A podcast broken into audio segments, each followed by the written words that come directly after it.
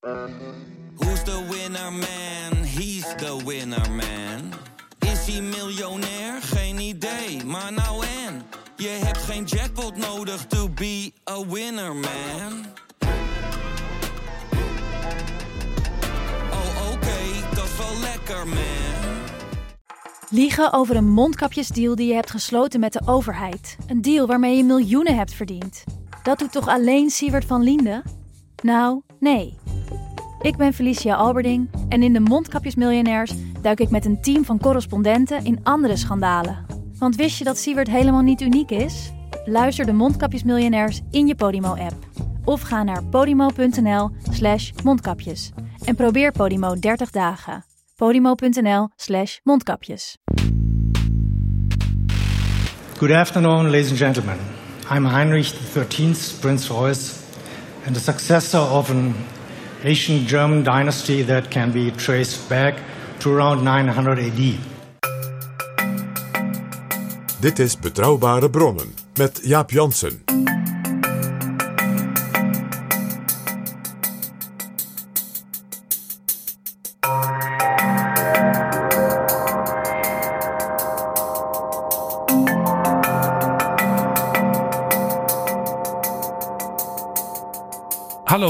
Welkom in Betrouwbare Bronnen, aflevering 314. En welkom ook PG. Dag Jaap. PG, we hoorden zojuist Prins Heinrich XIII Royce. Die sprak op een internationale conferentie van allerlei eh, rechtse en esoterische clubs. In 2019. En deed daar een grote lamentatie over het noodlot van zijn familie. En dat is de basis eigenlijk op grond waarvan hij zichzelf dus heeft gepromoot tot staatshoofd van Duitsland na de koep die hij met een hele groep geesterwanten was gaan plannen. Ja, dat was het nieuws van afgelopen week. Iedereen was in alle staten. De veiligheidsdiensten. eh, er is een razzia geweest in Duitsland. 25 mensen zijn gearresteerd, waarvan overigens twee in het buitenland. Er zijn 150 verschillende objecten in Duitsland binnengevallen. Ja, en in 50 van die objecten zijn gevonden pistolen, zwaarden, messen, dienstwapens, nachtkijkers, gevechtshelmen en 130.000 euro cash en kilo's zilver en goud. Allemaal om een staatsgreep te plegen. Heel opmerkelijk, een van de mensen die zeg maar, in het complot zaten, bleek al jaren geleden wapens van het leger van de DDR achterover gedrukt te hebben in zijn werk. Eh, want ja, dan had je toch als daar een soort eigen leger wat je dan kon bewapenen. En wie dit zijn en wat ze van plan waren en hoe we dit historisch moeten plaatsen, daar gaan we het over hebben, PG. Want Jaap, het zit heel diep in de Duitse geschiedenis. Niet alleen, ik zal maar zeggen, in het geheugen van die prins, maar veel breder ook. En, laten we er niet omheen draaien, er zijn wel zeer opmerkelijke verbindingen van het huis Royce met het huis Liepe-Biesterveld. Bekend van prins Bernhard en de Oranjes. Het zal toch niet? Jazeker, Jaap. Maar eerst, PG, zijn er nog nieuwe donateurs, nieuwe vrienden van de show? Jazeker, Jaap. Jazeker, Jaap. Ik blijf altijd jazeker, Jaap zeggen. En dat zijn mensen die wij zeer, zeer danken. Namelijk Bert, Donny en Klaas Pier. En Danny zeg je altijd als iemand misschien ook Danny kan heten. Dus eh, in beide gevallen hartelijk welkom. Zijn er ook nog losse donaties, PG? Jazeker, Jaap. Van William, Annemarie, Bas en Benedict. Dank jullie zeer. En als jij nu ook ons wil steunen met een donatie, ga dan naar vriendvandeshow.nl slash bb en we zijn je eeuwig dankbaar. Dit is Betrouwbare Bronnen. PG, ik las dit weekend in het blad Spiegel de vraag: Muss man Prinz Putsch und seine Gaga-Truppe ernst nehmen? Das muss man. Und wofür? Het is, daar is zelfs een term voor, Spiegeldeutsch. Dat is een bepaald soort eh, licht vilijn, journalistiek, verfijnd, scherp geformuleerd Duits. Dat is echt ontstaan in de redactie van Der Spiegel in de jaren 50, jaren 60. Dat was men in Duitsland helemaal niet gewend. Het is een serieus blad, maar ze hadden bijvoorbeeld ook op de cover van het eh, nieuwste nummer. Ja, hadden ze ook een klein beetje een grap van gemaakt. Ja, ze hadden de prins En ze hadden de AFD-rechter, eh, die eh, minister van Justitie na de putsch zou worden. En een survival trainer, die dan in het militaire gedeelte deed. En de achtergrond was de zwart-wijs-rood vlag van het oude keizerrijk. En de kop op de kaft is Operation Staatsstreich. En dat geeft dus aan dat men het wel degelijk uh, uh, ook nu als een serieus punt brengt. Uh, ja, je moet dit serieus nemen. Al zitten er ook, mag ik het zeggen, operetteachtige kanten aan. Waar wij als Nederlanders misschien al een beetje giegelig van worden. Ja, want er waren bij, bij die mogelijke staatsgreep ook familiedokters betrokken. Een kok, een operazanger, een, een tenor, een piloot, een militaire, een oud-Kamerlid politie, mensen. En nog een heleboel mensen waarvan we niet eens weten eh, wie ze zijn en wat ze waren. Nou, we weten dat er in Oostenrijk twee helderzienden zijn opgepakt. Uh, die vooral de taak hadden om, uh, ik denk als helderzienden, doordat ze objecten aanraken of zo, te checken of mensen die meededen, of die wel loyaal zouden zijn. Dus de, laat zeggen, de, de interne zuiveringen waren al een beetje begonnen. Er is ook een, een, was een hele rijke mevrouw die had geld geschonken. En die zat meer in de ja, boreaal-spirituele hoek. Die was, zou dan een bijzondere rol in de nieuwe Putsch-regering krijgen voor de transcommunicatie. Dus communicatie met ja, het hiernamaals en dat soort dingen. Dus, dus uh, de taken voor wat dan genoemd wordt een overgangsregering, die waren ook al verdeeld? Ja, er was een uh, minister van Justitie die dus in die noodregering dus ook noodmaatregelen kon nemen, inclusief dus tribunalen en executies. En dat is die mevrouw die tot enkele jaren terug in de Bondsdag zat voor de alternatieven voor Duitsland. Ja, uh, er was ook een minister van Binnenlandse Zaken. Uh, dat was een hoge politiefunctionaris in Niedersachsen. En waar je dan toch helemaal koud van wordt, is dat een van zijn taken was het coördineren van de politieaandacht voor Joodse scholen, synagogen, uh, Joodse musea en andere sociale inrichtingen. En er was ook een minister van Buitenlandse Zaken, die eigenlijk liever minister van Financiën was geworden. Dat vind ik overigens heel herkenbaar. Maar er was een probleem, want uh, uh, de prins, het beoogd staatshoofd dus, dus die zou rijkskansler worden en daarna staatshoofd. Die vond die minister van Financiën helemaal niks. Dus ze hadden al ruzie in de regering.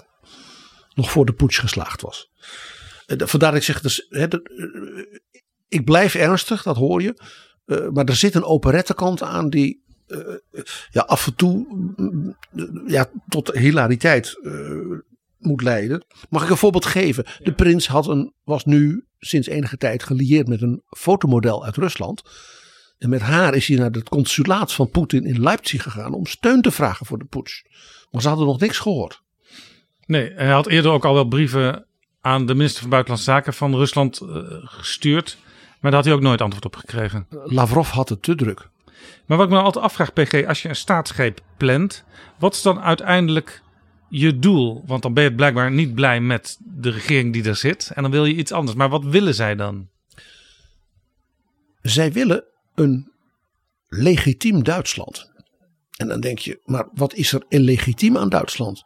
Men heeft president Steinmeier, men heeft vele jaren ja, ge, geprofiteerd van de voortreffelijke reputatie van, de, van de Bundeskanzlerin. Men heeft nu een nieuw boeiende coalitie onder leiding van Scholz. Wat is daar? Ze hebben, ze hebben een grondwet en ze hebben uh, op, op veel punten voorbeeldige wetten. Wij hebben laatst de wet op de politieke partijen behandeld in betrouwbare bronnen. Omdat men lessen trok uit dat verleden en dat in die grondwet ook heeft neergelegd. Ja, maar er is dus een groep mensen in Duitsland, die worden ook wel Rijksburger genoemd. Die beschouwen zich dus nog steeds als burger van het keizerrijk zoals in 1871 zeg maar gesmeed in de oorlog tegen Frankrijk door kanselier Otto van Bismarck van ja. Pruisen. De inlichtingendiensten schatten het aantal Rijksburgers, dus mensen die het gezag van de Duitse staat niet erkennen, op ongeveer 23.000. En zij zeggen dat keizerrijk, dat was legitiem. Dat was ook in de hele wereld uh, hoog geacht. En ja, dat stortte natuurlijk in bij de nederlaag uh, aan het eind van de Eerste Wereldoorlog. Ja, dat keizerrijk heeft in feite bestaan van 1871 tot 1918. Dus dat is helemaal niet zo heel lang. Want belangrijk om te noteren. Toen kwam dus de Republiek van Weimar. En deze mensen zeggen dus: de Republiek van Weimar is in feite een illegale staat geweest. Want de keizer was gevlucht naar Holland. En er is toen een soort staatsgreep gepleegd door de vakbonden en links, hè, want dat is het dan. En die hebben de republiek doorgevoerd. En nu komt hij. In die republiek heeft men met één pennenstreek alle vorstenhuizen in Duitsland afgeschaft. Dus niet alleen de keizer Wilhelm die hè, aan het houthakken ging in Doorn. Maar dus ook het kleine vorstendommetje Royce rond het stadje Gera in Turingen. En ook de koningen van Wittelsbach, de grote vorsten in Beieren. Maar ook de hele kleine vorstendommetjes van Sachsen-Eisenach. Ja, want er waren er heel veel. Dat hebben we ook uit al jouw verhalen uh, kunnen leren tot nu toe. De Engelsen haalden daar af en toe een partner vandaan. Uh, de Russen. De Nederlanders. De Belgen. Zeker, zeker. Uh, Leopold. Saxen-Coburg, de oom van Albert van Saxen-Coburg, de echtgenoot van Victoria. Dus een, een voordeel als je zoveel vorstenhuizen op, op één grondgebied hebt. Ja, de, de huis van Saxen-Coburg werd de Stud Farm of Europe genoemd. Nou, Napoleon heeft daar dus toen al flink huis gehouden door het een heleboel als daar bij elkaar te voegen. Uh, en ja, in 1918, 1990 was het gewoon over. En die vorsten die voelden zich dus allemaal afgezet. En ja, die werden dus. Uh, uh, ja, die wilden dus hun, hun, hun, hun rechten terug en hun status. En natuurlijk hun paleizen en grondbezit en wat dan niet. Nou, in de Weimar Republiek is dat een enorm gedoe geweest. Dus die adellijke families in Duitsland. Ja, die beschouwden zich. En hun aanhang, zal ik maar zeggen, in die Rijksburger. Als levend in een land dat niet bestaat. En zij gaan zelfs zo ver dat ze zeggen: kijk, met de val van het Derde Rijk van Adolf Hitler is Duitsland bezet geweest door vier mogendheden. En die vier mogendheden hebben dus als het ware dat, ja, die, die Bondsrepubliek hè, en nu de Wiedervereinigde Duitsland gecreëerd. En dat bestaat dus officieel helemaal niet. In feite is dat een vazallenstaat van met name Amerika. En dan komt er ineens een heel apart element naar voren. Amerika en dat is dus het Joodse kapitaal van Wall Street en de Joodse macht in Amerika. Ja, daar, zit dus een heel diep heeft, antisemitisch element in. Daar heeft Heinrich Dreitzin heeft daar in 2019 een heel verhaal over gehouden. Laten we een klein stukje luisteren, want dan vertelt hij eigenlijk over het complot wat ervoor gezorgd heeft dat uh, Duitsland ja, eigenlijk niet uh, een officieel land is, want uh, het is overgenomen door anderen, door, door buitenstaanders. The last German emperor did not abdicate himself, but rather he was removed from the throne with Markgraf Max von Baden acting as his substitute, caving in the pressure by the Americans. So Markgraf von Baden, in the name of the emperor, abdicated the throne for him. Yes, he was abdicated. I know all about this firsthand. The British could have never won World War I without capital of coming from the United States. But it came with string attached. The, nation, the initiative was to use the state of war to drive the expulsion of the Jewish population in order to create a separate state of, of this segment of the population, which turned out exactly as planned through Hitler and his US financed sovereignty. Dit was de prins op een forum in Zurich 2019. Uh, tegen het einde van zijn verhaal, wat 16 minuten duurt, dan zegt hij ook een paar keer: Ik zal afronden, want uh, ja, ik begrijp dat, uh, dat we door moeten. maar die man is zo vol van alles wat zijn familie ruim 100 jaar geleden ontstolen is, zoals hij dat noemt, dat hij daar nog elke dag mee bezig is. En sterker nog, dat hij daar speciaal zelfs een staatsgreep voor wil plegen om, om, om dat allemaal goed te maken. En je hoort in dat verhaal in elkaar grijpen. Dus dat aspect van, van, van uh, ja, een adellijke elite van vroeger. Hè, die zijn status kwijt is. Die zijn macht ook kwijt is. Hè, een soort eergevoel kwijt is. Uh, en ook het gevoel heeft dat dingen dus van ze gestolen zijn. Ja. Met dus allerlei ja, affecten van, ja, nou, ik zeg maar gewoon neonatie, extreem rechts, antisemitisme. En, en bij deze koeppoging ook duidelijk dat daar een soort esoterisch, boreaal, spiritueel ding ook nog weer doorheen is gegaan. Ja, en toch heeft hij wel iets, iets positiefs te melden voor mensen die, uh, die dan straks in dat nieuwe Duitsland uh, wonen onder zijn leiding. Want hij wil uh, dat je nog maar 10% belasting gaat betalen, zoals onder zijn voorvader ook het geval was. En hij zei, ja, als je vroeger iets te klagen had, als, als boer bijvoorbeeld, ja, dan ging je naar, naar de landeigenaar. En uh, dan krijg je antwoord. En daar moet je nu nog eens omkomen met de Bondsdag en met de Europese Unie en zo.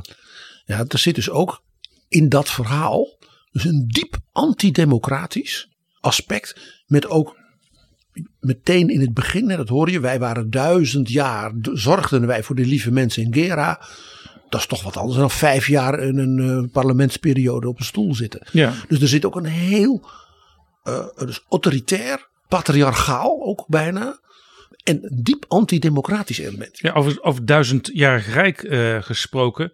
Hij heeft ook een paar keer in dat verhaal uit 2019 komt, komt Hitler naar voren. Hitler was eigenlijk ook een soort slachtoffer in zijn verhaal van internationale machten. Ja, eh, de, in deze denklijn van dit, zeg maar, dit type binnen de Rijksburger is Hitler dus een, een, een pion geweest van het Amerikaanse kapitalisme, dus van de Joden.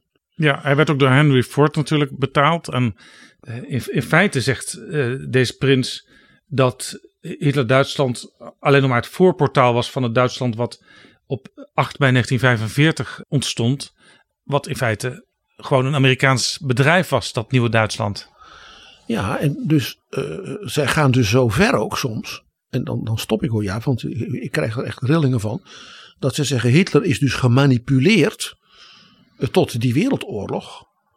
Zodat daardoor de Joden de staat Israël konden krijgen. Ja, dan ben je wel heel ver heen hoor. Dat is wel heel eng. Dus Jaap, ik dacht drie vragen maar te behandelen met jou voor onze luisteraars. Ten eerste, waar komt dit vandaan? Ja. Juist in Duitsland, het land van Dichter en Denker, het land van de Jena-Kreis. Ja, het land van jij zal wel zeggen, daar heb je PG weer, Wilhelm en Alexander von Humboldt. Het land van Thomas Mann. Dus je denkt, hoe kan dat in zo'n cultuur, in zo'n land gebeuren? Ten tweede, dit is natuurlijk die operettekant. Nee, dit is al vaker gebeurd in de Duitse geschiedenis. En zelfs de vrij recente Duitse geschiedenis van de 20e eeuw. Dit type staatsgrepen, koeppogingen en normloos geweld vanuit dit soort elites. Nou ja, er werd op 27 november op een website uh, voor mensen die complottheorieën aanhangen. Uh, door een van deze potentiële koepplegers.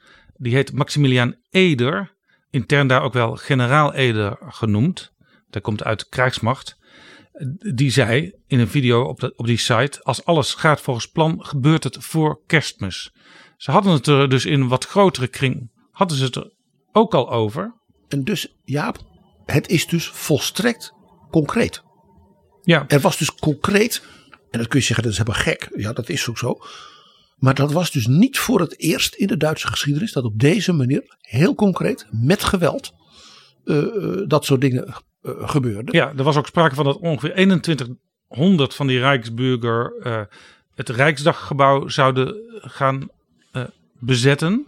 Dat doet ons natuurlijk ook denken aan 6 januari koeppoging in de Verenigde Staten. Make Germany great again. Maar in 2020 is er al een soort bestormingje van de Rijksdag geweest. En wie was daarbij aanwezig bij die demonstratie? Willem Engel. Ja, Willem Engel die schreef toen op Facebook, toen hij daar naartoe ging.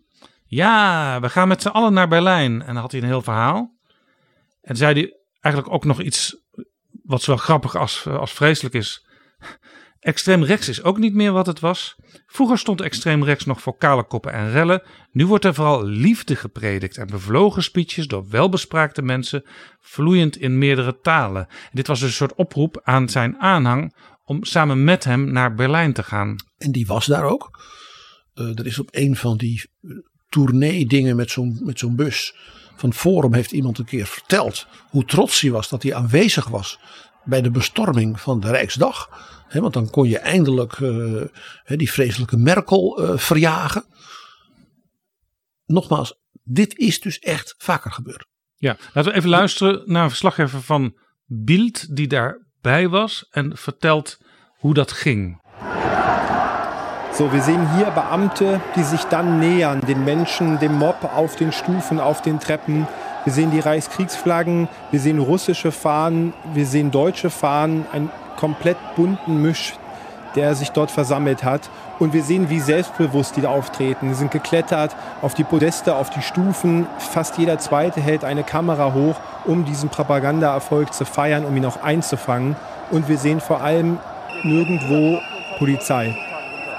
Das ist eine ganz, ganz bittere Szene. Bilder, die es so definitiv nie hätte geben dürfen und geben sollen.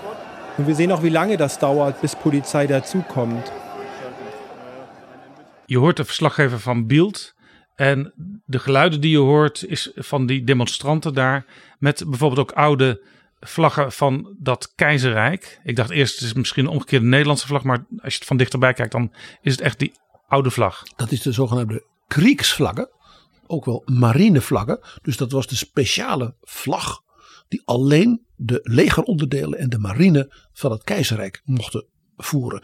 Dus als je met die vlag loopt, dan zeg je daarmee dus impliciet: ik erken het Duitsland van nu niet en ik wil het militaristische Duitsland van, van zeg maar 1890, 1914 terug. Ja, toen die bestorming in 2020 begon, toen stonden er overigens maar drie politiemannen bij het gebouw. Wat een beetje gek is natuurlijk als Willem Engel er op Facebook van tevoren al over zat te schrijven. Uiteindelijk was wel de ME ter plekke en zijn de mensen echt teruggedrongen. Maar men heeft dus de trappen en net als in het kapitool. Ze stonden al voor ja. de ramen. De derde vraag die we natuurlijk toch moeten behandelen, Jaap, is de opmerkelijke verbinding van de dynastie Royce met de dynastie van Oranje-Nassau. Want die is er en die gaat een heel eind terug. Daar zit een heleboel in wat wij eigenlijk behandelden zonder dat op dat moment te weten met Simon Seebeck Montefiore. Laten we beginnen bij vraag 1. Waar komt dit vandaan? Als je het in één zin zou willen horen, Jaap, dan is dat deze zin. Bij ons lukte 1848 met Thorbecke wel en in Duitsland niet. En dat is essentieel. In Duitsland is dus de stichting van een modern, liberaal, vrijheidsgezinde grondwet en een vrijheidsgezinde Duitse staat mislukt. Uh, er was een parlement in Frankfurt, in de Pauluskirche, dat bij elkaar kwam. Heel veel hoogleraren, dus werd een beetje spottend professorenparlement genoemd. En die zeiden, als we nou met elkaar uh, de beste ideeën bijeenbrengen. En dat ook uit de verschillende delen van Duitsland. Dus zowel uit het zeer vooruitstrevende doen aan liberale Baden en Württemberg. En het vrome Beieren. Uh, het sterke Pruisen. Het zeer katholieke Rijnland. We brengen al, al die groepen bij elkaar. De beste mensen daarvan. En dan komen we tot een grondwet voor Duitsland. En dan bieden we de koning van Pruisen de keizertitel aan. In welk jaar was dit? 1848. Dus dat was precies in hetzelfde jaar waarin het Thorbecke zijn grondwet erdoor kreeg in Nederland. Thorbecke die overigens met zeer veel belangstelling altijd uh, keek wat er in Duitsland gebeurde. Want hij was in feite bijna een Duitser. Van huis uit en ook van, door zijn Lutherse geloof en door zijn huwelijk en zijn familie. Dus ja, die volgde dat allemaal zeer precies. Nou, dat parlement is uh, door het leger van Pruisen met geweld Frankfurt uitgemapt. Dus er kwam in Duitsland geen liberale grondwet en geen liberaal bewind. En de koning van Pruisen wou ook niet op de basis van zo'n grondwet regeren. En daarin lijkt hij natuurlijk op ons, onze koning Willem III. Ja, die had ook gezin en die gooide ook, als hij wetten moest ondertekenen, uh, de pennen in de open haard. Ja, maar ja, die kon niet anders dan ja, accepteren. Want zijn vader was door de knieën gegaan. En anders had hij dus gewoon weggemoeten als koning. En ja, dat was toch ook weer niet uh, de, helemaal de bedoeling. Hè? Nou, toen kwam in 1871 natuurlijk het keizerrijk. De Duitse vorsten scharen zich achter Brandenburg-Pruisen. Voeren oorlog tegen Napoleon III, de keizer van Frankrijk. Verslaan die in zeer korte periode. Frankrijk dondert in elkaar. Hè. Daar komt dan de Derde Republiek. Dan had je de Commune de Parijs, hè, die communistische opstand. En Bismarck, de grote kanselier, hè, de ijzeren kanselier zoals hij werd genoemd. die regelt dus dat de Duitse vorsten zijn baas, de koning van Brandenburg-Pruisen, de keizertitel aanbieden. Is toch iets anders dan natuurlijk een grondwet. Ja, overigens, eh, onder Bismarck kwam natuurlijk wel algemeen kiesrecht en er kwam sociale wetgeving. Ja, dus zij was- zagen wel dat, zeg maar, elementen van de Franse revolutie, eh, ja, dat je die ook als Duitsland moest doorvoeren. Bismarck was natuurlijk een uitermate visionaire politicus. Die zei: Ik wil dat de Duitse arbeiders en boeren en de gewone mensen in Duitsland zich identificeren met het keizerrijk. Doordat het, dat de keizer via de Reichstag, de, met een algemeen kiesrecht, door mannen natuurlijk, hè, gekozen parlement. Dat was dus heel vroeg en heel indrukwekkend. Ja, En dat hij zei, dat betekent dus dat de gewone Duitser, waar hij ook woont, of hij nou een Pruis is, een Beier of een Keulenaar, die kan zich identificeren met het Reich, kan daar trots op zijn, stemt daarvoor en krijgt dus die milde gaven als wettelijk recht voor zijn oude dag, voor als hij ziek is of als hij geen werk ja, heeft. ze hadden daar dus eerder algemeen kiesrecht dan in Nederland. 50 jaar eerder. En die sociale wetgeving van Bismarck was het voorbeeld voor velen in Europa en bijvoorbeeld ook in de Verenigde Staten. Nou, we hebben het al verteld dat ook om die reden eh, Bismarck zo bevriend was met Benjamin Disraeli. Omdat die van in Engeland als de One Nation Tory in feite eenzelfde Bismarckiaans beleid voerde. Maar je hoort het al, geen democratie. Er was wel een Rijkstaak. Maar er was ook een Herrenhaus. Het woord zegt het al. Dat was dus de Eerste Kamer waar de adel in zat. En sommige mensen werden dan gekozen. Dus de zeer jonge, felle, scherpe, progressief-katholieke burgemeester van Keulen, Konrad Adenauer, zat dus in de tijd van de keizer in het Herrenhaus. Dat is ongelooflijk hè. De oude baas, later de eerste bondskanselier. En kon het Herrenhuis allerlei wetten ook tegenhouden? Natuurlijk. En Bismarck gebruikte het Herrenhaus, want dat waren in belangrijke mate zijn vrienden, zullen we maar zeggen, om dus de Rijkstaak af te remmen. Bismarck werd ook wel de dompteur genoemd. Want Bismarck vond het namelijk heerlijk om in de Rijkstaak te komen. En daar iedereen onderuit de pot te geven. Hij was natuurlijk een geweldige debater. Zijn, zijn speeches, die kun je nu nog zo lezen. Eh, Net als zijn memoires, Gedanken en Herinneringen. Die zijn gewoon verrukkelijk om te lezen. Dus Bismarck hield van dat politieke spel. Zolang gebeurde wat hij wilde. Hij heeft dus zowel tegen de, zeg maar, de partij van Adenauer. Dus de katholieke partij. Dus de, wij zouden zeggen de katholieke emancipatiepartij. Als de sociaaldemocraten. Heeft hij dus enorme campagnes gevoerd. Als rijkskanselier. Met verboden en gevangenisstraf en wat niet. Er hebben dus allemaal bisschoppen in Duitsland in de gevangenis gezeten. Omdat ze dus de, de katholieke politieke emancipatie steunden. Maar dit keizerrijk met dus al zijn elementen, soms enigszins tegenstrijdige elementen. Dat was dus eigenlijk het ideaal ook van deze koepplegers van afgelopen week. Ja, nou vooral denk ik het keizerrijk na het vertrek van Bismarck. Want toen Bismarck vertrok in 1890, hij werd dus echt roemloos ontslagen door de nieuwe jonge keizer Wilhelm II. Toen ging dus dat keizerrijk weg van het pad van Bismarck, ook in de buitenlandse politiek. En dat leidde tot de ondergang ervan. Maar in de binnenlandse politiek werd het dus veel nog meer reactionair. Grote repressie. Eh, er ontstond ook een zeer sterke antisemitische golf in Duitsland. En eh, eh, zeker ook in de kringen rond de keizer zelf.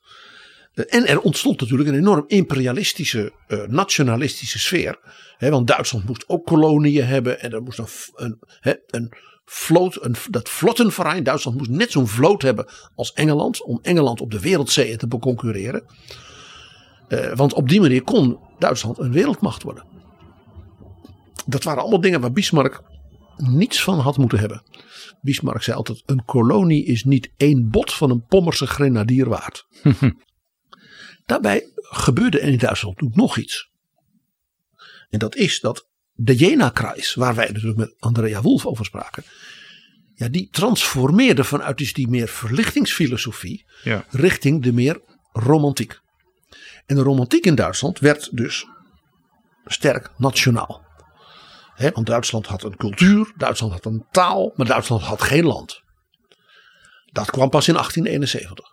Dus dat was op een bepaalde manier een soort voltooiing van dat romantisch nationalisme.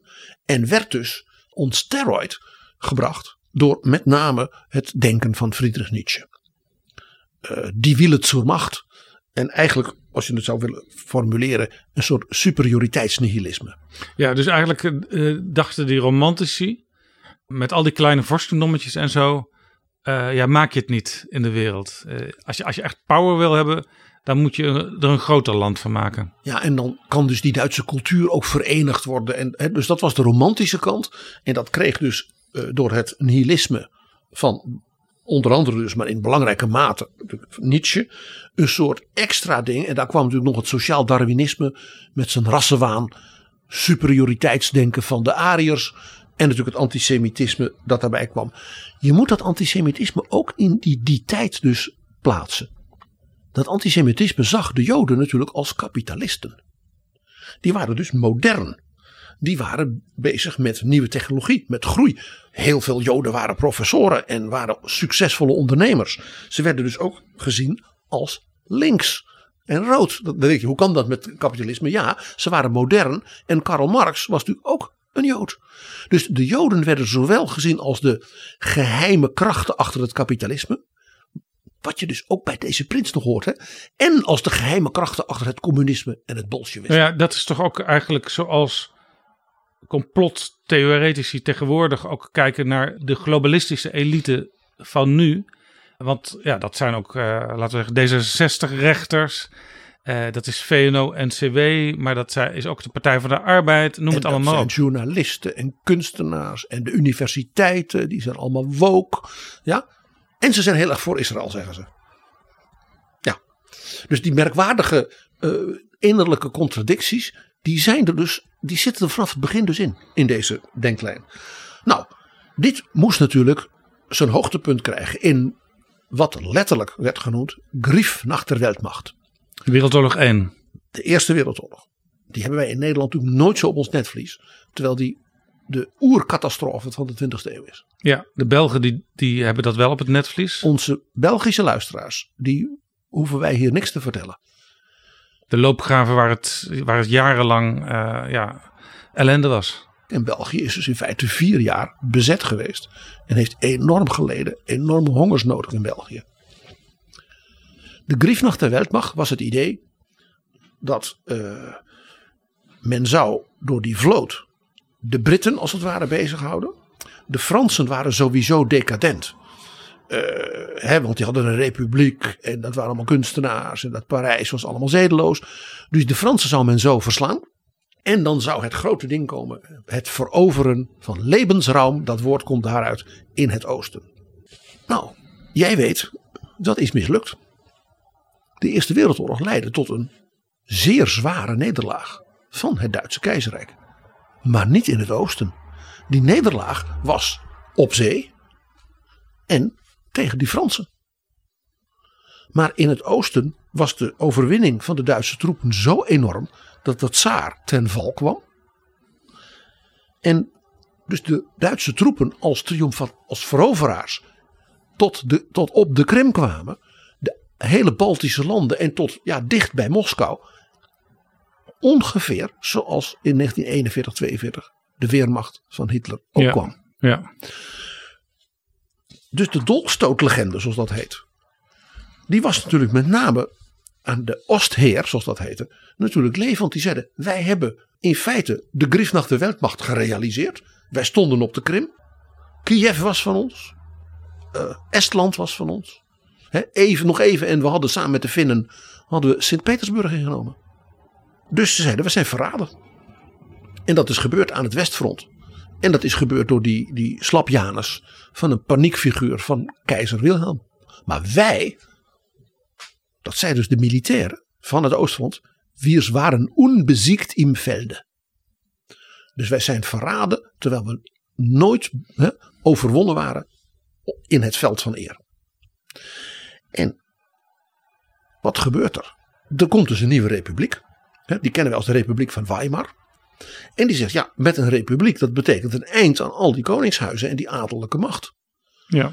Dus die nieuwe republiek werd niet alleen gezien als verraders van de grote overwinning van het leger, maar ook als de verraders van de adel en de koningshuizen en dus de oude elite. Ja, want PG, je hebt het nu over al die kleine vorstendommetjes en zo, maar wat het toch het keizerrijk? Ja, maar zoals ik al zei, Bismarck had dus die vorsten de keizer de kroon laten aanbieden. Dus zij bleven allemaal regeren.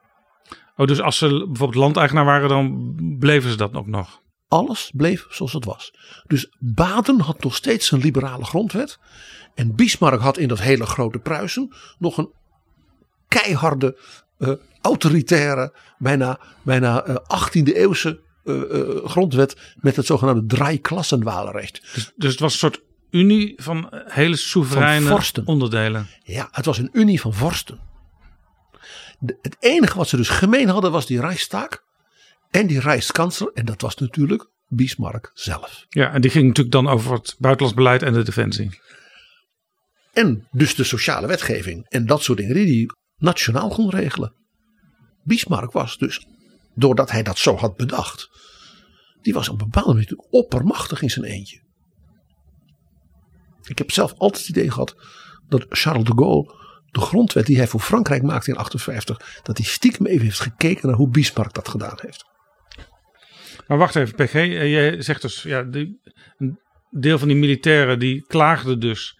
Want in het oosten ging het goed. Zich In het westen voelden ze zich verraden door de keizer. Ja. Maar dat is wel de keizer van het keizerrijk waar de koeplegers van afgelopen week steeds naar terug verlangen. Dus ook dat is een beetje dubbel. Dat is allemaal heel dubbel. En dus kwam de conclusie dat de keizer misleid was. En iedereen wist dat Wilhelm, uh, laat ik zeggen, nou niet het grootste licht was. Uh, maar hij was dus misleid door wie? Ja, door natuurlijk de omgeving van hem. Uh, die die nederlaag aan het Westen wou toegeven. Ja, dus, dus leiders die enigszins deugen in deze redenering, die als daar dingen fout gaan, dan zijn ze misleid door anderen. En dus, ik noem toch even een naam, uh, die dan ook niet zo lang na de Eerste Wereldoorlog als minister van Buitenlandse Zaken op straat is doodgeschoten.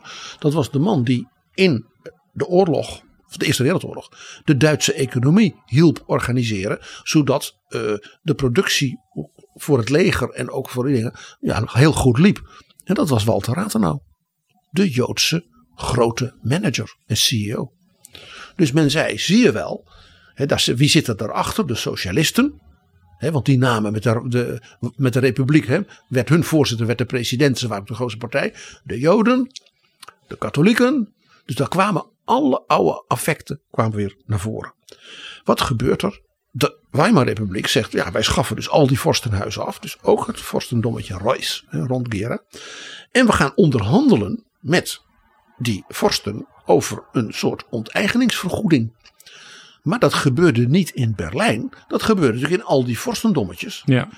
Dus de, de nieuwe deelstaat Turingen ging dus met een parlement wat gekozen was.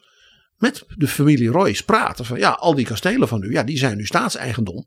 En die landerijen. En nou ja, uh, wij gaan een wet indienen uh, over uh, de, de vergoeding die u daarvoor krijgt. Nou, in de speech van prins Heinrich in Zurich uh, gaat hij zelfs enorm tekeer. Ook nog tegen dat namaakparlement. Nepparlement van Turingen in die tijd. Die deelstaten sloten dus compromissen over de onteigening met hun vorst. Dus in Pruisen ging dat anders dan in Württemberg en heel anders dan in Gera in Turingen. Een aantal vorstenhuizen hebben zich hand en tand, ook met alle middelen, juridisch en anderszins, verzet tegen een compromis. En daar moeten we er twee noemen. Dat is dus het huis Royce en het huis Liepe. En dan denk jij inderdaad van Liepe Bisterveld. Prins Bernhard. Ja. Men is gaan procederen, uh, alles wat er kon. En toen kwam er, uh, dan hadden ze er in Berlijn genoeg van in het parlement, de Rijksdag. Toen hebben we gezegd, we gaan het regelen in één keer. Want er blijven vorsten maar drammen en procederen. Zo komt er geen ja, vrede in Duitsland. Ja. Dat men zich ook verzoent met Dus de het werd zeg maar naar het federale niveau getrokken. Ja, en dat is een briljante zet geweest van de leider van de communistische partij, Ernst Thälmann. Die zei, Ik ga een petitie laten tekenen door de Duitsers. Om bij de Rijksdag een wet op de onteigening van de vorsten in te dienen. en hij kreeg heel veel steun vanuit de vakbonden. En die petitie werd, die kreeg geloof ik 14 miljoen handtekeningen. Ja, toen kon de Rijksdag moeilijk iets anders. Dus toen is er een soort referendum gehouden over de onteigening. En nu ga jij zeggen: het is toch niet waar, PG. In de aanloop naar het referendum heeft de geheime politie een complot opgerold van extreem rechts met hulp van een serie van die vorstenhuizen om een eind te maken aan de republiek. Er is niks nieuws. De nieuwe president van Duitsland, generaal van Hindenburg uit de Eerste Wereldoorlog, die heeft met een handig technisch trucje ervoor gezorgd dat de uitslag van dat referendum uiteindelijk toch uh, niet kon worden aangenomen. Hij gebruikte daar een grondwettelijke truc voor. Nou, toen heeft men uiteindelijk de Rijksdag gezegd: we maken een compromis. En ze krijgen allemaal iets, die vorsten, en daar moeten ze het dan maar mee doen. Want die Hindenburg die was nog wel een beetje vol begrip voor die oude vorsten. Vol begrip was die. Ze waren ook heel blij dat hij dat deed. Dus hier zat een enorme frustratie van die nederlaag, hè, waarbij ze zich verraden voelden, hè, al die adellijke officieren. En dan hun titels afgepakt. Want officieel bestaan die titels dus in Duitsland niet meer. Van prins en koning en hertog. Maar ze gebruiken ze wel. En dan ook nog die compensatietoestand. Hè, waarbij de communisten er toch bijna erin slaagden om geen enkele compensatie via een referendum geregeld te krijgen. Als je nou denkt dat is uh, dan heel zielig, maar dat was het dan. Nee, na de Tweede Wereldoorlog kwam er een volgende klap voor dezezelfde families. Want ja, de adel was natuurlijk in Duitsland heel sterk en machtig, ook door de rurale economie. In het oosten.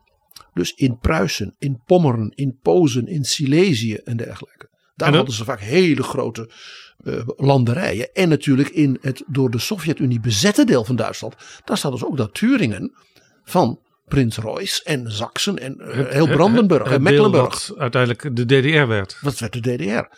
En Stalin heeft bij de bezetting gezegd: ja, uh, Duitsland moet bloeden. En de oude elite van kapitalisten en vorsten, ja, die wordt gewoon onteigend. En dat is dan nu van de staat. En heel veel van die dingen werden dus onmiddellijk naar de Sovjet-Unie gebracht als uh, nou ja, herstelbetalingen. In het Westen gebeurde dat niet. En hebben heel veel van die adellijke families ja, in het Wirtschaftswunder ja, hun landerijen, hun dingen natuurlijk ja, gemoderniseerd. Daar hebben ze bedrijven van gemaakt. En heel veel daarvan zijn daar dankzij de bloei van Duitsland en van Europa natuurlijk allemaal heel rijk geworden. Ja. En die zitten ook nog, hebben ook een hoop status in de glamourmedia. Hè, al die Duitse, de gelbe blätter zoals men dat noemt. Als er dan weer een nazaat van Bismarck trouwt met een nazaat van, van, uh, van de familie Holstein, dan is dat de omslag van, van Boente natuurlijk. Boente illustreert. Ja. Maar ja, die adellijke families, zoals Royce, die dus hun basis in het oosten hadden. En dan moet je denken, dat is denk ik wel twee derde van die families. Die waren dus alles kwijt. En dat was ze afgepakt door de communisten. En toen kwam de Wiedervereniging. Dus die hele adellijke frustraties. Dat kwam allemaal naar boven. En die zeiden in het verdrag moeten Kool en Schäuble, hè, die deed de onderhandelingen, regelen dat wij onze rechten terugkrijgen. Ja, dus zij, zij, zij dachten dat ze een slaatje konden slaan uit de hereniging van beide Duitslanden tot één land. Want hen was zulk groot onrecht gedaan. En wat was de conclusie uiteindelijk? Ja, die was heel pijnlijk. Wolfgang Schäuble, die zei: wij herenigen de DDR en de Neue Länder met de oude Länder. En die Länder die waren verantwoordelijk voor uh, de onteigening. En hij zei: die onteigening is gebeurd door Stalin voordat de DDR bestond. Dus wat er nu verenigd wordt, is de restanten daarvan. En de Sovjet-Unie zei: wij gaan geen akkoord geven aan de Wiedervereniging. Als dus die maatregelen van toen, dus nu achteraf zeg maar illegaal worden verklaard. Want dan zou dat eh, een affront zijn voor de Sovjet-Unie zelf. Exact. Ook al had Stalin eh, het gedaan. Maar men vond dat nog steeds in de Sovjet-Unie terecht. Dat dus de ondersteunende elite van de naties op die manier zijn gestraft. Voor hen hoorde dit bij het Nurembergse proces. Ja, want veel van die eh, oude adel, die steunde dus het nationaal socialisme. Nou, daar ben ik heel, heel voorzichtig Nou ja, in. Heel is- veel, dat- heel veel Dat is niet. een conclusie die ik trek uit wat jij net zegt. Maar dat is wat Stalin vond. Eh, De, de, de, de, de, de samenzweerders van 20 juli van Stauffenberg, net zoals Stauffenberg zei, waren bijna allemaal van hele vrome christelijke adel. Dus dat beeld moet je enorm nuanceren. Maar dit is wat Stalin deed. En Stalins we- wil was wet. Zo is dat. Dus Kool, die natuurlijk dolblij was dat hij met zijn vriend Gorby hè, eh, die deal kon sluiten. Die zei, natuurlijk, wij respecteren dit. En Schäuble zei bij die onderhandelingen, daar ga ik mijn vingers niet aan branden. Nee. Had nog wel een paar andere problemen. Hè, dat weten we van dat geweldige gesprek dat wij met Trojan. hadden. Ja, die daarbij zat als enige Nederlander bij al die onderhandelingen. Namens de Europese Unie. Ja, briljante set van Jacques Delors om die erbij te zetten. Dus toen dat verdrag werd beklonken, waren natuurlijk die mensen als prins Heinrich Reuss, die waren onthutst. Royce overigens die eh, nu 71 is, dus pas geboren na de Tweede Wereldoorlog. Terwijl eh, zijn grieven die zijn dus van ruim 100 jaar geleden. Dat zijn grieven van generatie op generatie. Dat zijn grieven van dus de door de nederlaag gefrustreerde jonge adellijke officieren van 1918.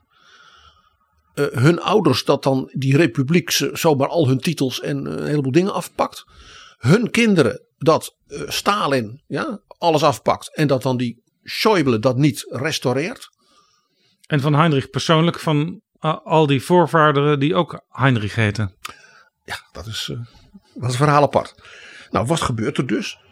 Een aantal van die families, waaronder Royce, is dus gaan procederen tegen de Wiedervereinigung. En dus eiste tot, tot het Europees Hof en alles. En daarmee verbond zich deze frustratie, die met andere extreemrechtse groepen, in wat die Reichsburger werden. Want als je natuurlijk, ja, je lost dit probleem voor jezelf op door te zeggen, ja, die Schäuble die tekent dat wel. Of die Kool die regelt dat wel. Maar Kool en die Bondsrepubliek zijn helemaal niet legaal. Die Bondsrepubliek bestaat niet. Dat is een vazallenstaat van de Amerikanen. Dus dat moesten ze gewoon van, van president Bush, Ja. die met Gorbachev wilde dealen. Overigens waren ze blijkbaar soms ook pragmatisch, die Rijksburger. Want er zijn er ook een paar in het buitenland gearresteerd. Eh, ze hadden dus wel gewoon een paspoort van de Bondsrepubliek. Nou, het is nog gekker. Eh, zij, er is een, eh, een groep binnen de Rijksburger eh, die weigeren zich burger van de Bondsrepubliek te noemen en eisen dus een soort statendloze pas. Serieus? En- die willen dus ook geen belasting betalen, maar daar Nee, zullen ze dan dat- toe, toe worden gedwongen, neem ik aan. Ja, ja. Voor mensen als deze prins en deze Rijksburger zeggen ze dus eigenlijk: voor ons geldt nog steeds onze status, onze eer, onze bezettingen van, ik zal maar zeggen, 1871. Ja? En alles wat daarna gebeurd is, is niet waar, is diefstal, is één groot complot. En hier zie je de verbinding dus met die andere, nou ja, complotgedachten eh, eh, en dergelijke.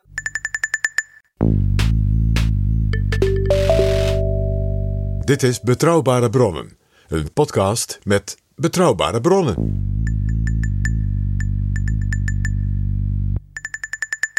En ik praat met PG over de vreemde plannen voor een coup, een putsch die vorige week in Duitsland aan het licht kwamen. Ik had het al even over dat in 1926 bij dat referendum er dus een samenzwering werd opgerold van extreem rechts en die families om dus een eind te maken aan de Republiek van Weimar. Ja, Dus dan denk je, oh, het is dus al vaker gebeurd. Nou, het antwoord is en of. ja want dat is de centrale tweede vraag van deze aflevering. Hoe bijzonder is dit en hoe vaak is iets dergelijks al eerder gepoogd? Nou, aan het eind van de Eerste Wereldoorlog kwamen dus die adellijke officieren uit dat Oostfront terug. En die vormden toen vrijkorpsen. Die zeiden, die keizer is weg. De Slapjaners, de Joden, de linksen, de katholieken hebben nu een republiek gesticht. Die erkennen wij niet. Wij blijven als vechtersgroep bij elkaar. En eh, nou, die hebben dus huis gehouden in de Baltische landen. En zijn dus opgerukt als een soort leger in kleine groepjes van 3 tot 5000 man, dus dat was best gevaarlijk, zou ik maar zeggen, naar Duitsland. En die hadden daarbij een vlag van de Vrijkorps. En weet je wat dat was? Een rode vlag met erop een swastika. Dus eigenlijk de voorbode van de vlag die het Nationaal Socialisme onder Hitler ging gebruiken. Die is bewust daaraan ontleend. Want Hitler, die zelf natuurlijk ook eh, een soldaat was in de, in de Eerste Wereldoorlog. Die richtte zich ook toen hij zeg maar eh, in kelders zijn eerste toespraken ging houden. Ook op, mede op mensen die uit deze groepjes kwamen. Ja. En op de veteranen die zeiden we zijn verraden. En, nou ja, en je weet door wie, enzovoort. enzovoort. En die uiteindelijk in hem ook iemand zagen die kon verwoorden wat zij altijd al dachten. Als ik je vertel dat er de nederlaag en de wapenstilstand was dus 11 november 1918. In begin 1919 heeft graaf Arco, hele chique eh adellijke jongeman, de nieuwe linkse premier van Beieren gewoon doodgeschoten. Dat was zo'n vrijkorps eh Op, aanvoerder. op straat? Het is gewoon een moordaanslag. Dat leidde overigens tot een staatsgreep van de communisten en de anarchisten. Want die dachten, nu kunnen wij het volk wel meekrijgen. Als, als, als extreem rechts dit doet, dan zullen ze begrip voor onze daad hebben. En die hoopten op steun van Lenin. Want ja, die was op dat moment natuurlijk de baas. Maar die zat in een zodanige burgeroorlog dat hij even geen tijd had voor Beieren. Thomas Mann heeft in zijn dagboeken daar hier heerlijk over geschreven. Want die kende heel veel van die communistisch-anarchistische regering van Beieren. Want het waren allemaal dichters en schrijvers Ja. en filosofen. Met wie hij dus in de jaren daarvoor dus allerlei interessante discussies had gehad. Dus Thomas Mann in zijn dagboeken moet dus stiekem toegeven dat hij eigenlijk wel, terwijl hij, terwijl hij alles behalve links was, een beetje sympathie had. Want ze durfden toch maar, en dit was leuker eh, dan, la- laat zeggen, dat, dat, dat het leger de macht over zou nemen. Thomas Mann was toen al eh, bepaald geen liefhebber van graaf Arco en zo. Nee, nee. Nou, de regeringen in Berlijn. Die zei: Ja, dit kan niet dat er een communistische republiek komt in Beieren. die er ook nog populair is. De regering in Berlijn was natuurlijk SPD. En katholieken, hè, dus maar een soort PvdA-KVP-coalitie. Maar ja, die hadden natuurlijk geen leger. dat zomaar in Beieren. Dus toen heeft de SPD-minister van Veiligheid en Defensie, Noske. zijn beroemde titel van over zichzelf. Einer moest der Bloedhond zijn. Die heeft toen een aantal van die vrijkorpsen ingehuurd. om in München de zaken kort en klein te slaan. Onder de vlag van de Republiek. Dat was natuurlijk achteraf heel dom. Ja. En dat, dat, dat, dat was in feite ook. eh, Dat legitimeerde natuurlijk die vrijkorpsen. ja, en, en, en eh, bij de opkomst van Hitler had je natuurlijk ook de SA, die ook wel een beetje hierop eh, leken. Ja, de SA was toch vooral meer een soort knokploeg van maar niet zo gescholden. Nee. De SS was meer het soort elite uit die vrijkorpsen. Ah, Als je het zou moeten Ja. vergelijken. Ja. Nou, wat gebeurde er? Die vrijkorpsen die dachten, yes, hè, we hebben wat te doen. En we kunnen misschien zelfs, als we in München een succes hebben, dan hebben we politiek power, hebben we leverage. Dus die zijn binnengevallen. Dat is een bloedbad geweest. Ze hebben dus heel veel van die communistische dichters en schrijvers, die vrienden van Thomas Mann, eh, omgelegd. Er zijn meer dan 600 mensen eh, dus gewoon gedood. Ja. straatgevechten, maar Ja. ook gewoon bij standrechtelijke executies zonder proces. Dan denk je, nou, dat is al heel wat. Dat is een uh, staatsstreich. Hè? ja. Operation Staatsstreich. Nou, dat was begin 1919 en dat loopt dan door in de loop van dat voorjaar. In maart 1920 de volgende. Dus heel kort daarop. Ja, de zogenaamde kapputsch. Een coup in Berlijn vanuit de elite van de marine en die vrijkorpsen. En die wilde gewoon de republiek omverwerpen in Berlijn. En de legertop zei toen tegen de minister, tegen die Noske. Reichswehr schießt nicht auf Reichswehr. Wij zijn neutraal. Dus het leger, Daar heb je dan veel aan als eh, minister. daar sta je dan. De regering is gevlucht naar Dresden. De hoofdstad van Zaksen. En dat was een links geregeerde deelstaat toen. Die nu heel rechts is. En eh, ja, hier moet je toch een, de, vlag hijsen. Een rode vlag. Want het waren de vakbonden en de SPD. Die zeiden wij gaan geen millimeter toegeven aan deze, deze militaristische gekken. En door een algemene staking werd dus heel Berlijn lam gelegd. En ja, ja, ze konden dan wel in hun wagentjes rondrijden in Berlijn met hun swastika-vlag. Maar ja, ze konden verder niks. Maar er was dus wel verdeeldheid uh, in de politieke top in Berlijn. Want de regering die vluchtte. Uh, maar de SPD zat ook in de regering. En Ja. die, die was dus wel heldhaftig op straat. Eh, ja, de SPD was natuurlijk heel sterk. De vakbonden, het was een rode stad Berlijn. Dus ja, ze konden daar gewoon, gewoon, gewoon, gewoon, gewoon dat, die, die stad lam leggen. Leuk detail.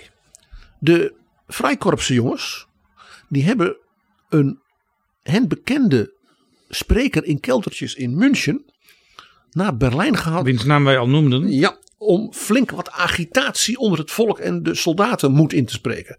Dat was de eerste keer dat Adolf Hitler in een vliegtuig zat. Zoveel haast hadden ze met hem. Maar zij zagen dus zijn campagnekwaliteiten. Precies. Tegen die graaf Arco werd een proces gevoerd. Want die man had dus de minister-president gewoon doodgeschoten. En de Weimar-republiek kende nog de doodstraf. En de rechter heeft hem dus tot de dood veroordeeld. Nou, je begrijpt. De rechtse kranten, de adellijke families. Schande, hij was een held. In beroep heeft men hem vanwege zijn grote verdiensten voor het vaderland als officier veroordeeld tot vijf jaar. En hij zat in een nogal chique gevangenis voor eh, mensen die niet zo lang hoefden te zitten. En na vier jaar moest hij zijn cel afstaan aan iemand anders. Adolf Hitler. Aan Adolf Hitler. Die ook een putschpoging ook had een gedaan. putsch had gedaan. Ook met steun vanuit de adel, zoals generaal von Ludendorff. En in die gevangenis heeft Adolf Hitler Mein Kampf geschreven. In dus de cel daarvoor van deze graaf Arco. Als je het zo vertelt, PG, dan, dan, was die periode in Duitsland de aanschakeling van koepogingen. Vanuit het soort lieden en milieus als prins Heinrich Reuss. Dus ik wil daarom ook onderstrepen. Laat je door het operette karakter ervan en die rare esoterisch spirituele gekkies die er allemaal omheen zitten. eh, niet bedotten. Want die rare esoterisch spirituele gekkies zaten ook in de nazi-partij. Alfred Rosenberg, Himmler, hè, die mensen in Tibet eh, liet kijken of de, of de Tibetanen niet de oer-Ariërs waren. Ja. Het zat er allemaal al En bovendien, we hebben eh, op die 6 januari in Washington DC gezien. dat, dat precies je met, zo is. met een paar duizend mensen eh, al een heel eind kan komen en de boel zo op stand kan jagen. En zelfs, ehm, ja, het had niet zo heel veel geschild. Of er had daadwerkelijk eh, een soort van machtsovername plaatsgevonden. Nou ja, eh, er zijn politieagenten omgekomen. Die dus tot taak hadden de democratie te beschermen. En ze waren op zoek naar Nancy Pelosi en een aantal andere leiders. En- de vicepresident. En, en Mike Pence. Ja. Die niet één keer werd gebeld door zijn chef van we komen je halen en komen je helpen. Die, je zult die filmbeelden van Nancy Pelosi die dan met de generaals belt en met de gouverneur. En die dus ongelooflijk, de vrouw is in de tachtig en dat je dan in zo'n situatie zo scherp precies weet ik moet die bellen, ik moet die hebben, die kan wat doen. Dat is echt Dus- indrukwekkend. Maar ik wil maar zeggen, dus hoe sterk je ook bent als democratie, rechtsstaat met checks en balances. Er kan zomaar een kink in de kabel komen. En daarom dat dus wat hier in Duitsland gebeurde in het licht van de geschiedenis. En het licht ook van die diepe wortels van frustratie, antidemocratisch denken. Wat ik noem dat superieur nihilisme wat daarin zit. Waarom dat dus serieus wel gevaarlijk is.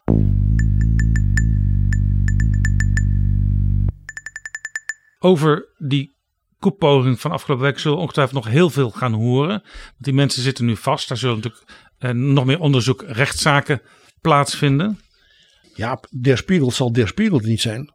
Als ze in het artikel hierover niet zelfs al quotes hebben uit afgeluisterde telefoongesprekken van de prins. Alarm voor taak X heet het. En eh, dag X, dat is dus de dag waarop het allemaal zou plaatsvinden. En dat zou dus nog voor de kerst zijn, volgens die generaal van het clubje. Nou, ik citeer de prins. Wir machen sie jetzt platt. Jetzt is Schluss mit lustig. Wat betekent dat? Dat betekent. Plat maken, dat is iemand echt helemaal kapot maken. We maken ze nu kapot. Het is einde met de grappen en grollen. Dit is niet het taalgebruik wat je verwacht van een edelman van duizend jaar werken voor het volk. Nee.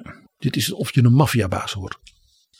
Maar we gaan vast nog veel meer horen. Want als Der Spiegel dus al dit soort quotes heeft en ook andere hele opmerkelijke details. Dan betekent dus dat er nog veel meer naar buiten gaat komen. Ik ga ervan uit dat dus de Duitse geheime dienst deze mensen al heel lang in het snotje had. En dus waarschijnlijk een massale hoeveelheid bewijsstukken heeft van gesprekken, documenten en dergelijke. Het is ook heel interessant. Er is één partij in Duitsland helemaal stil. Dat is natuurlijk de alternatieve voor Duitsland. Ze hebben maar één ding gedaan. Ze hebben gepoogd in hun websites alle verwijzingen en foto's naar die mevrouw, die rechter die voor hen in de Bondsdag zat, te verwijderen. Ze alleen, blijkt ze alleen niet te lukken. Dus voortdurend worden weer in de Duitse media weer nieuwe foto's van haar. Met allerlei leidinggevenden van de AFD. En toespraken die ze hield tevoorschijn getoverd. Overigens staat in datzelfde Spiegel-artikel. In ihrer Partei galt die Richterin als Teil des weniger radikalen Lagers, was viel über die AfD aussagt. Ja, ja als dus zo iemand tot zeg maar, de, de gematigde vleugel behoort. Ze werd ook gezien, omdat ze als jurist was, iemand die goed kon bemiddelen met de meer extreme vleugels. Want die vonden, daar had ze wel gezag omdat ze rechter was. Dus ze kon een bemiddelende rol vervullen. Kun En zij was nu ook weer rechter, omdat ze blijkbaar recht had op terugkeer in haar oude ambt. Ja, maar ze hadden haar eh, in haar functie nu bij de afdeling bouwrecht gezet. Daar kon ze het minste kwaad, was waarschijnlijk het idee. Ja, hoewel die prins Heinrich XIII eh, ook in huizen handelt. Dus dan kom je misschien ook wel eens met bouwrecht in aanraking. Ja, het is opnieuw een vastgoedman. Ja, Die denkt overigens dat ook- hij de baas moet worden. En overigens ook eh, op het gevaar af toch weer in de operettesfeer terecht te komen. Hij was ook een, een sectproducent. Ja, dat, daar heb ik dan toch weer een kleine lichte. Dus hij was een, drank, een, een drankman. Drank, sect, dat is iets prachtigs, ja. Maar ik vond het wel weer opvallend dat het opnieuw een vastgoedmagnaat was. Die vond dat hij de macht moest hebben. Ja, en hij hield van snelle wagens. Hij had benzine in zijn aderen. En hij had sinds een tijd een Russisch fotomodel als vriendin. Met Maar goed. wie hij ook samen naar het consulaat van Poetin in Leipzig is gegaan. Om te kijken of de Russen de staatsgreep niet zouden willen steunen. We lachen er een beetje om, PG, maar het is heel serieus, zoals je al zei. Toch, jij zei aan het begin van deze aflevering: eh, er is ook nog een band met ons eigen Oranjehuis. Ja, en die is dus heel uitvoerig. En Jaap, we zijn helemaal terug in het gesprek met Simon Sebag Montefiore. Want je ziet hier families en dynastieën, maar je ziet hier ook een coterie, zoals hij dat noemt, ontstaan. Van dus families die als het in elkaar geknoopt raken en elkaars belangen dienen. Ja, want we hebben het natuurlijk al vaak over gehad, PG. Eh, die vorstendommetjes, die leverden ook eh, aan alle andere vorstenhuizen. Soms zelfs als er een, een, een soort van republiek was en men dacht we gaan toch weer eh, terug naar de monarchie. Dan werd er gekeken, is er ergens in Duitsland nog een prins of een prinses te vinden waar we iets mee kunnen. Het Koningshuis van Griekenland, het Koningshuis van Roemenië. allemaal. En al die eh, koningen, prinsen, prinsessen, die kenden elkaar ook allemaal. Zoals de Oranjes dus, dus blijkbaar ook contacten hadden met mensen eh, die nazaten zijn eh, van de mensen die nu bij die koep betrokken zijn. Ja, het, belangrijkste boek van in Europa naast de Bijbel in die tijd van de 19e eeuw was natuurlijk de Almanak van Gotha. Het huis Saxen-Gotha gaf als uitgever de jaarlijkse almanak uit over wie welke titel had en wie met wie getrouwd was. En dat was dus extreem belangrijk als er natuurlijk een, eh, een huwelijkskandidaat gezocht moest beetje worden. als je, zoals je in Nederland het rode boekje van de adel had en het blauwe boekje van het patriciaat. Dat is een kopie van de Almanach de Gotha. Mais oui. Nou, eh, zal, zal, zal ik eens even de opmerkelijke verbindingen tussen het huis Royce en de huizen Liepe Biesterveld en Oranje schetsen. Dat begint met prins Heino. Dat was ook zo'n Heinrich, maar iedereen noemde hem Heino. Kon hij ook zingen en droeg hij een zonnebril? Deutschlands Deutschland über alles, über alles in der Welt. Nee, ja. Jammer. We gaan nu toch een beetje de operettesfeer in, vrees ik. Eh, hij was de kleinzoon van Sophie van Sachsen-Weimar. En dat was de dochter van koning Willem II en Tsarina Anna Pavlovna. Ik wil, als je het goed vindt, een half minuut over Sophie van Weimar spreken. Dat is de meest indrukwekkende persoon uit het Oranjehuis in de 19e eeuw. Dat was een zeer begaafde, belezen vrouw. En zij, toen zij dus hertogin werd in Weimar, heeft ze gezegd: dat is toch ongelooflijk. Overal hier in de stad, op zolders, liggen brieven en dingen van Goethe. En daar is niets mee gedaan. Zij heeft het op zich genomen om een wetenschappelijke editie te laten maken van het verzameld werk van Goethe. En heeft dus al die mensen gevraagd: kom met die dingen. En dat heet dan ook de Sophienausgabe. En dat is geloof ik zo'n 130 delen. Ja, dus iemand uh, die we dankbaar mogen zijn hiervoor. Die vrouw heeft dus voor de Europese cultuur en in het bijzonder voor de Duitse letterkunde een ongelofelijke prestatie geleverd. Sophie van Weimar. En dat was dus een oranje prinses. En zij is dus de, de grootmoeder van die prins Heino Reuss. En dan denk je, waarom is die belangrijk? Nou, toen koningin Wilhelmina trouwde met prins Hendrik uit Mecklenburg, bleef dat huwelijk kinderloos. En de koningin kreeg een reeks miskramen. Dus de regering, bedoel de ministerraad en zo, hield er rekening mee dat prins Heino koning zou worden. Als de koningin zou overlijden zonder kinderen, dan was prins Heino koning der Nederlanden. Want in die families heb je natuurlijk enorme eh, familievertakkingen. En heb je ook een lijstje van wie komt er in aanmerking en hij was dus, als daar verder geen kinderen zijn. En hij was dus de, de meest dichtbij door zijn grootmoeder bij koning Willem II. Beetje zoals uh, Willem-Alexander uh, ook nog ergens in de troonopvolgingslijst uh, van het Britse koningshuis staat. Ja, maar Willem-Alexander staat niet op één. Nee, ergens op 800 of zo. Ja, en prins Heino stond op één. Men heeft in 1905 een grondwetswijziging in Nederland voorgesteld, de regering. Om dus te regelen dat als dit zou gebeuren, dat dat als het ware netjes was afgedekt. Toen bleek dat de Tweede Kamer zei, nou, ten eerste moet dat. En ten tweede, als het zover is, willen wij als Tweede Kamer toch zelf de afweging maken. Was hier ook een gedachte bij van de Tweede Kamer, spreken dus 1905. Dus, dus uh, er was nog geen algemeen kiesrecht. Er waren een heleboel andere dingen uh, ook nog niet. Er was natuurlijk wel de grondwet van 1848. Inmiddels ook een paar vernieuwingen van die grondwet geweest. Maar dat de Tweede Kamer dacht, ja, als het echt uh, zo extreem zou worden dat we zo'n Duitse prins moeten binnenhalen. dan moeten we misschien ook nog gewoon eens over de monarchie als zodanig nadenken. Jij weet dat de jonge koningin Wilhelmina altijd zei over Abraham Kuyper. In zijn ogen zie ik de brandende lust de oude republiek te herstellen. nou, in 1909, dus na heel wat jaren huwelijk, krijgt koningin Wilhelmina een dochter, Juliana. En daarmee was ja, prins Heino nummer twee. prins Heino had gewacht met trouwen. Want ja, stel je voor dat je koning wordt dan, ja, dan ga je in een andere liga van mogelijke echtgenotes uh, uh, een rol spelen. Ja, dan, kom je, dan kom je in de Champions League. Ja, ja, dan is dat misschien wel een tsarendochter. Anastasia of zo, of Olga. Ja, zo, zo, zo moet je denken. Wij weten ook allemaal wat, hoe die geschiedenis 10, 20 jaar later, hoe dramatisch anders die werd. Nou ja, dus nu, ja, dan toch maar eh, ja, min of meer op zijn eigen niveau in Duitsland. En hij trouwde met prinses Marie Adelheid zur Lippe Bisterveld. En dan denk jij, aha, de familie zur Lippe Bisterveld. Yes. Die was toen natuurlijk niet in beeld voor de Oranjes. Juliana was een klein schoolmeisje. Maar die prinses Marie Adelheid, die had blijkbaar iets wat wel bij meer mensen van die familie zitten. Die had een opmerkelijk seksueel leven. Want ze was heel snel zwanger. Dat kan op zich. Maar de prins Heino dacht, dat kan niet.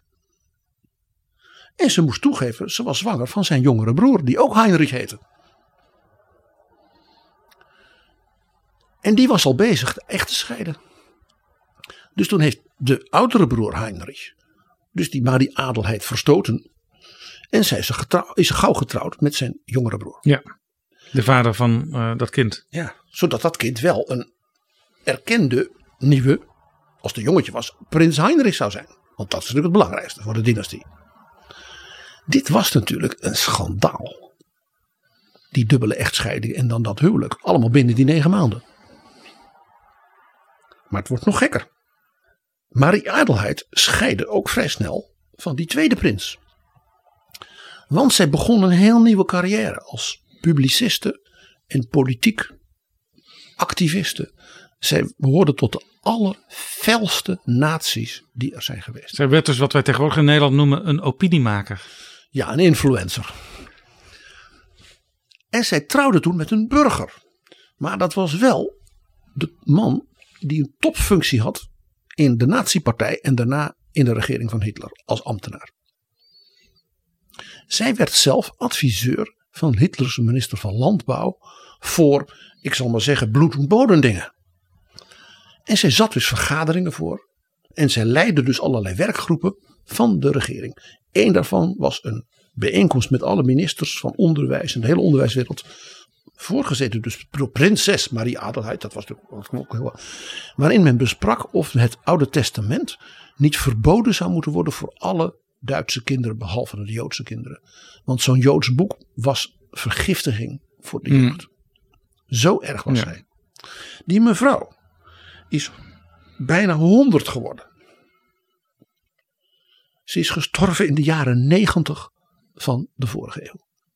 En ze heeft tot haar dood gepubliceerd. Brochures over hoe de Germaanse vrouw ha- haar man moet dienen. Serieus. Ze vertaalde, want dat deed ze ook nog, het eerste grote historische werk van een Fransman.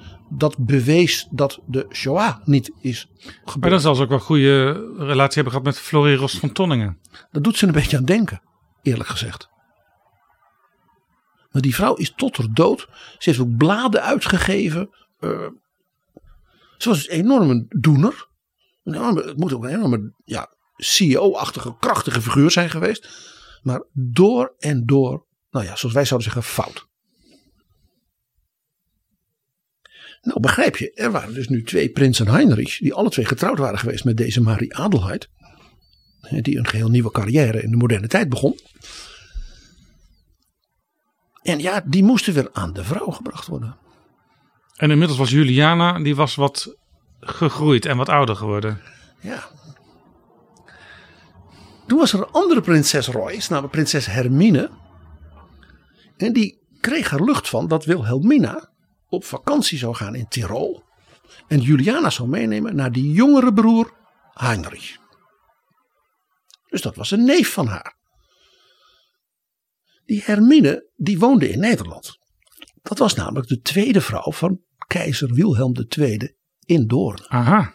En het was dus ook een prinses Royce. Ja, die wist dus wel een beetje wat er speelde bij de Oranjes. Precies. En die dacht, ja, die, die, die Heinrich, dat is besmette waar. Er zat nog een andere neef. Bernhard zur Liebe Wisterveld. Ze dacht dus, die Heinrich, dat, dat is eigenlijk niet slim om, om die Hollanders daarmee op te zadelen. Eh, ik weet nog wel, die Bernard, eh, van die, Charmant. van, van die, Jong. die arme familie. En daar is niet zoveel mis mee. Die is getipt door zijn tante Hermine. Vanuit Doorn. Dus die verschijnt als familievriend van die prins Heinrich. Op de vakantie in Tirol. Terwijl Wilhelmina en Juliana daar ook zijn. Die was daar quasi toevallig. Toevallig. En daar regelt hij die date met Juliana bij de Olympische Spelen van Hitler in Garmisch-Partenkirchen. Waarvan iedereen zegt, daar is het begonnen. Ja, maar waar kwam die date vandaan? Die kwam dus uit de familie Royce. Dus in feite, eh, we hebben het vaak over complottheorie. Hier was al een complot eh, gesmeed door tante Hermine met neefje Bernard. En haar aanspreektitel was natuurlijk keizerin. Maar nou denk je, ach wat zielig, die jonge Heinrich. Hè? Eerst die vrouw met, met wie hij dan trouwt en die dan bij hem wegloopt voor die natie. En dan wordt hij ook niet prins gemaal. Maar Is, is, is bekend overigens hoe Juliana dacht over Heinrich? Nee. Of is het zover ook eigenlijk niet gekomen? Dat ze, dat ze elkaar echt in de ogen hebben kunnen kijken. ik ben er niet bij geweest, Jaap. Maar die Heinrich is uiteindelijk toch zeg maar goed terechtgekomen. Want de broer, dus de zwager van Wilhelmina, de broer van haar man, prins Hendrik, die was toen natuurlijk al overleden. Die was de hertog van Mecklenburg. En die was getrouwd met, wacht even. Ja. En die was getrouwd met een prinses uit het huis Royce. En hij was de jachtvriend van Herman Geuring, doch dit terzijde. En die hadden een dochter. Wojslawa Feodora, prinses Royce. Nee, hertogin van Mecklenburg-Strelitz. Geboren in 1918, overleden in 2019. 101 geworden dus. Ja. En dat was dus een nichtje van Juliana. Via dus de Mecklenburgse lijn van haar vader. En dit meisje was dus ook bruidsmeisje bij het huwelijk van Juliana en Bernard. Wacht even, want het wordt ingewikkeld, PG, maar dit is dus de moeder van Heinrich de dertiende Royce, Juist. die vorige week in het nieuws kwam.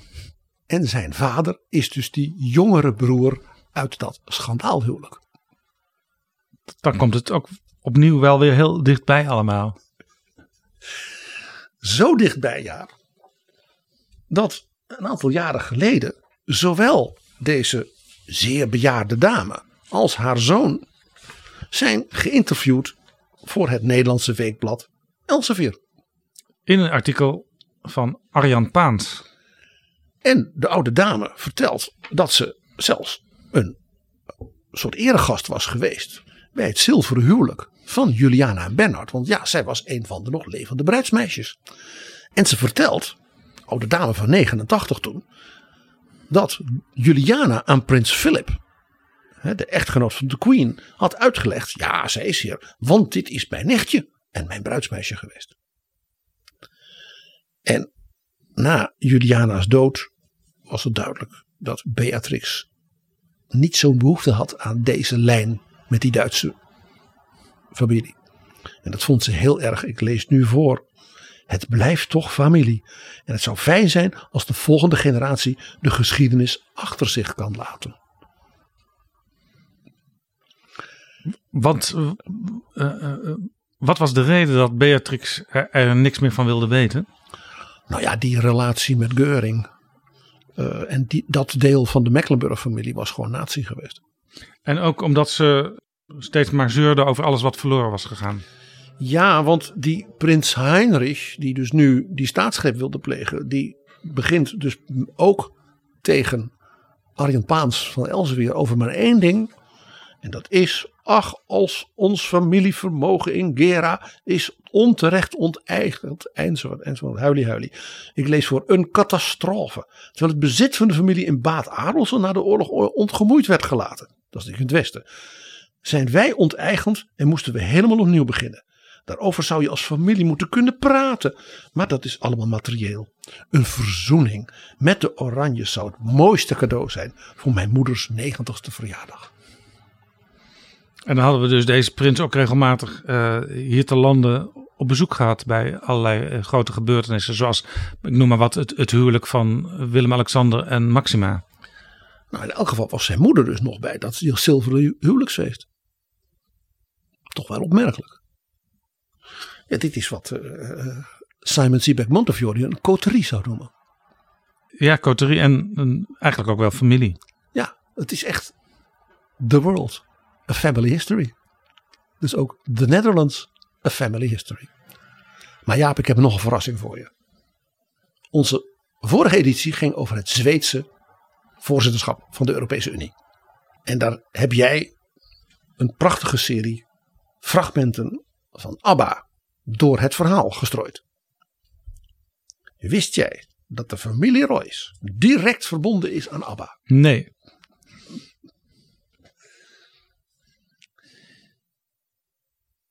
Hoezo? Wat dan? Halverwege de 18e eeuw trouwde de gravin van Wartensleben und Vlodrov, Amélie Esperanza, met Heinrich IX Royce.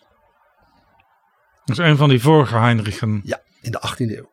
En die heeft natuurlijk een nakomeling, want die, die Royce-familie is dus opmerkelijk vruchtbaar en het zijn allemaal jongens.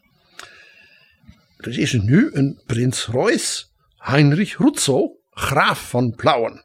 En die trouwde in 1992 met de Zweedse dame Annie Fried Lingstad. Een van de twee zangeressen van ABBA. Jaap, die had je niet zien aankomen. Volgens mij, PG, hoort hier een nummer van ABBA bij. Dat meen je niet. Knowing Me, Knowing You.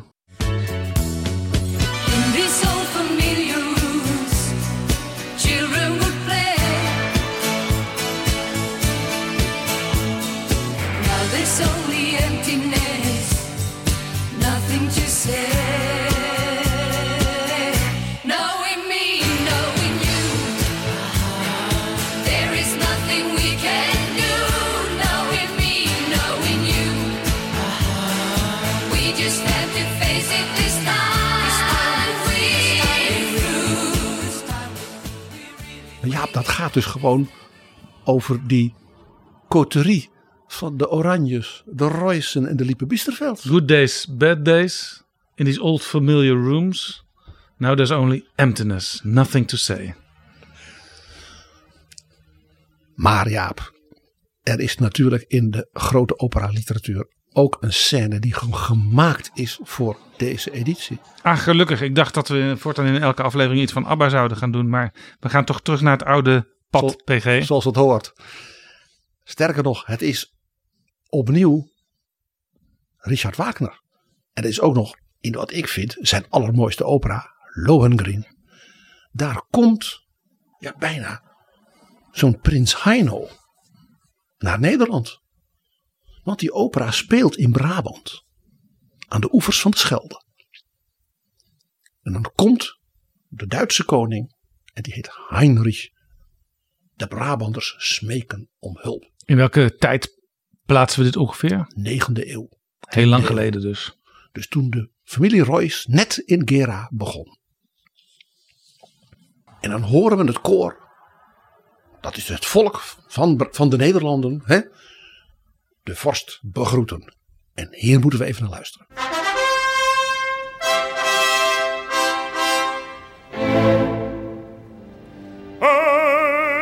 Grafen, edle Freie von Brabant, Heinrich der deutschen König kam zur mit euch zu dingen nach des Reiches Recht. Lebt ihr nun Fried und folget dem Gebot,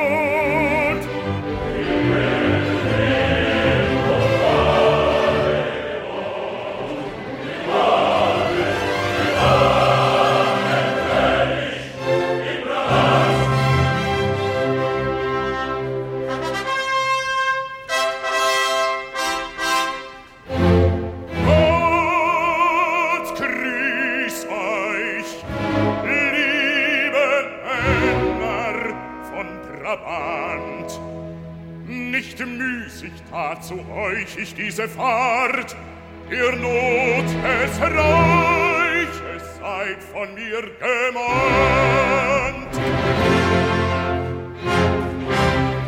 Soll ich euch erst der Drangsalkunde sagen, die deutsches Land so oft aus Osten traf? In fernster Mark ist Weib und Kind ihr beten. Herr Gott, bewahr uns vor der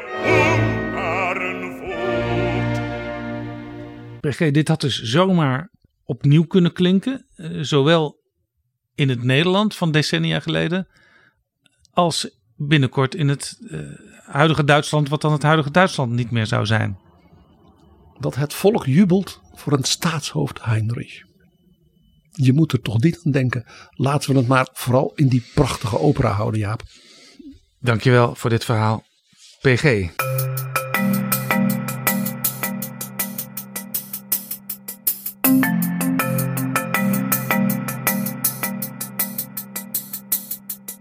Zo, dit was Betrouwbare Bronnen, aflevering 314.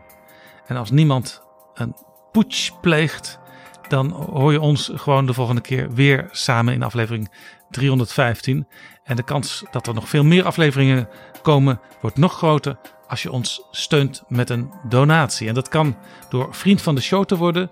Ga daarvoor naar vriendvandeshow.nl slash bb. Dankjewel en tot volgende keer. Betrouwbare bronnen wordt gemaakt door Jaap Jansen in samenwerking met dag en nacht.nl.